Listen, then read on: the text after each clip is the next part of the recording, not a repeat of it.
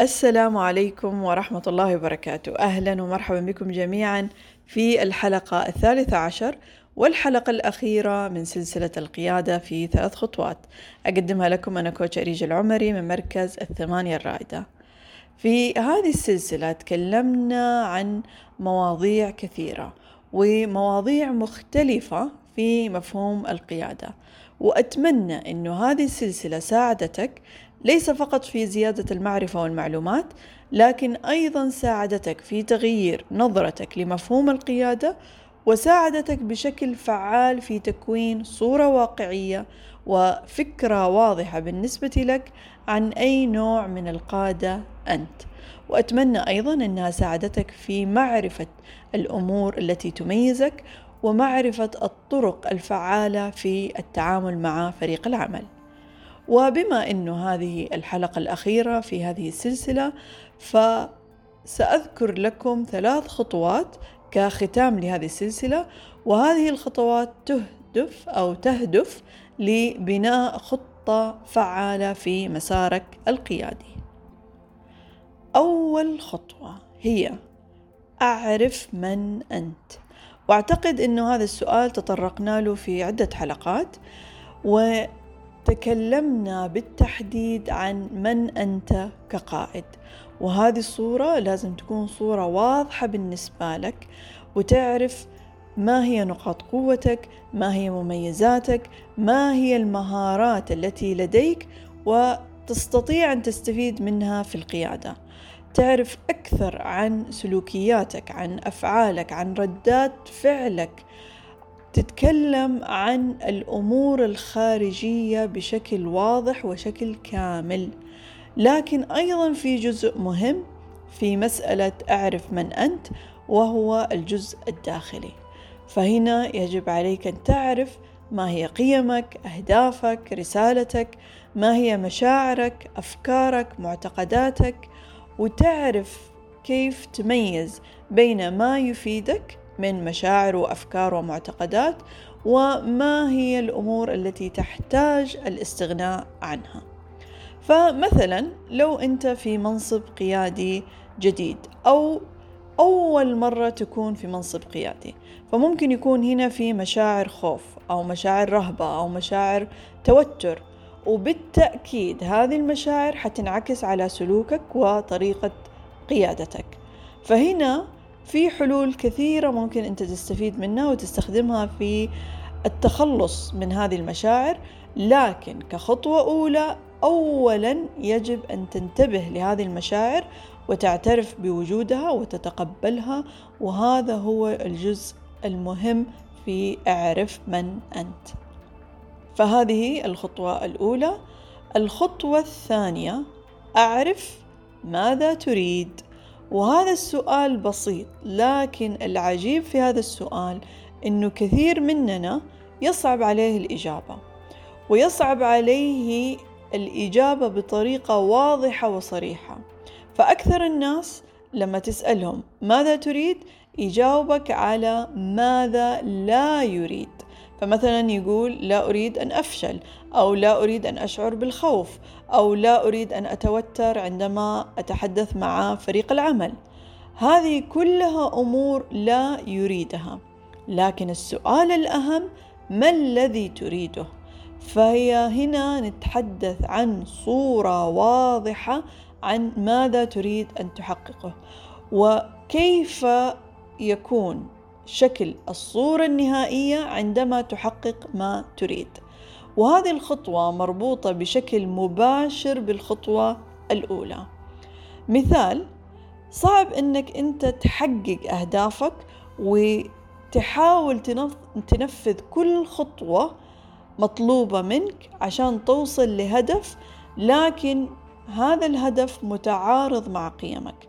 فهنا بالتالي أنت ما عرفت من أنت لكن حددت ماذا تريد وحيصعب عليك أن تحقق ما تريد لأنه يتعارض مع من أنت. مثال آخر أحدى أهدافك أنك تقوي علاقتك بالموظفين اللي تحت إدارتك لكن عندك معتقد سلبي عن الموظفين بشكل عام فأنت تعتقد أن الموظفين ليس لهم أمان أو يعتبروا غير جادين في العمل. فكل هذه المعتقدات حتكون عائق بالنسبة لك في تحقيق ما تريده. فبالتالي الخطوة الأولى أعرف من أنت. والخطوة الثانية من خلال معرفتك بمن أنت حدد ما الذي تريده. وكي تسهل عليك آه هذه الخطوة ممكن أن تكتب جميع المهام الأساسية المطلوبة منك في عملك. فمثلا لو أنت مسؤول عن مبيعات فممكن يكون إحدى مهامك أن ترفع نسبة المبيعات لنسبة معينة. أو ممكن تكون مشرف على مشروع لفتح محلات تجارية في مدينة معينة. أيا ما كانت المهام حددها وأكتب عند كل مهمة ما الذي تريد تحقيقه. وهنا مو فقط المطلوب منك لكن أنت ممكن تحقق أعلى من المطلوب وهذا بالنسبة للجزء العملي. لكن في جزء جدا مهم وهو اللي تكلمنا عليه كثير في هذه السلسلة وهو الجانب الإنساني. لأنه إحنا اتفقنا من البداية أنه أهم عنصر في القيادة هو فريق العمل.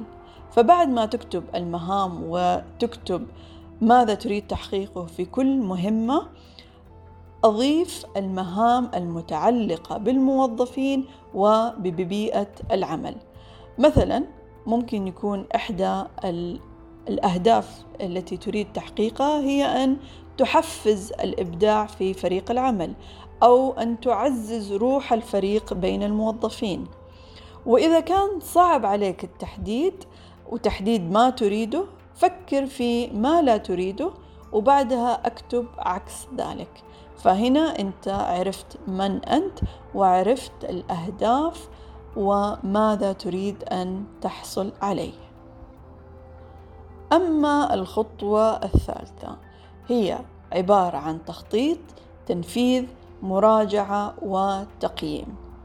فهنا نبدأ ببناء خطة عمل خطة عمل فعالة ومنطقية بالنسبة لك ماذا يعني منطقية بالنسبة لك؟ أي أنها تتوافق وتتماشى مع كل الأمور اللي تكلمنا فيها في الخطوة الأولى والثانية تتماشى مع من أنت وتتماشى مع ماذا تريد.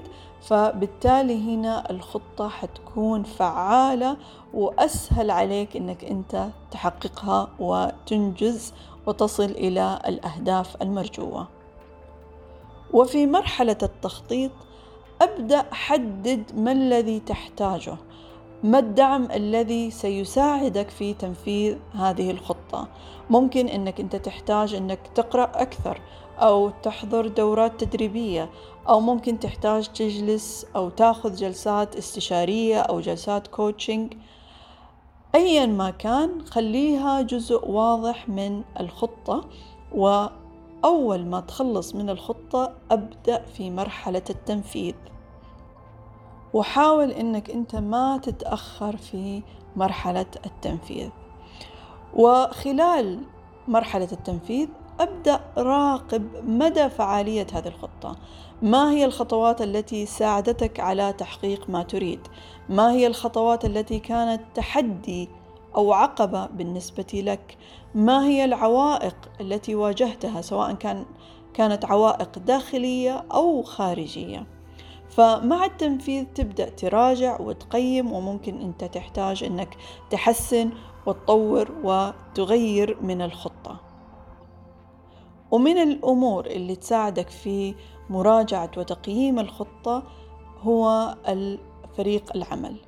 بمعنى أنك أنت ممكن تسأل فريق العمل ما مدى فعالية الخطوات اللي أنت أخذتها كقائد عليهم وعلى بيئة العمل وعلى الإنتاجية وعلى الأداء.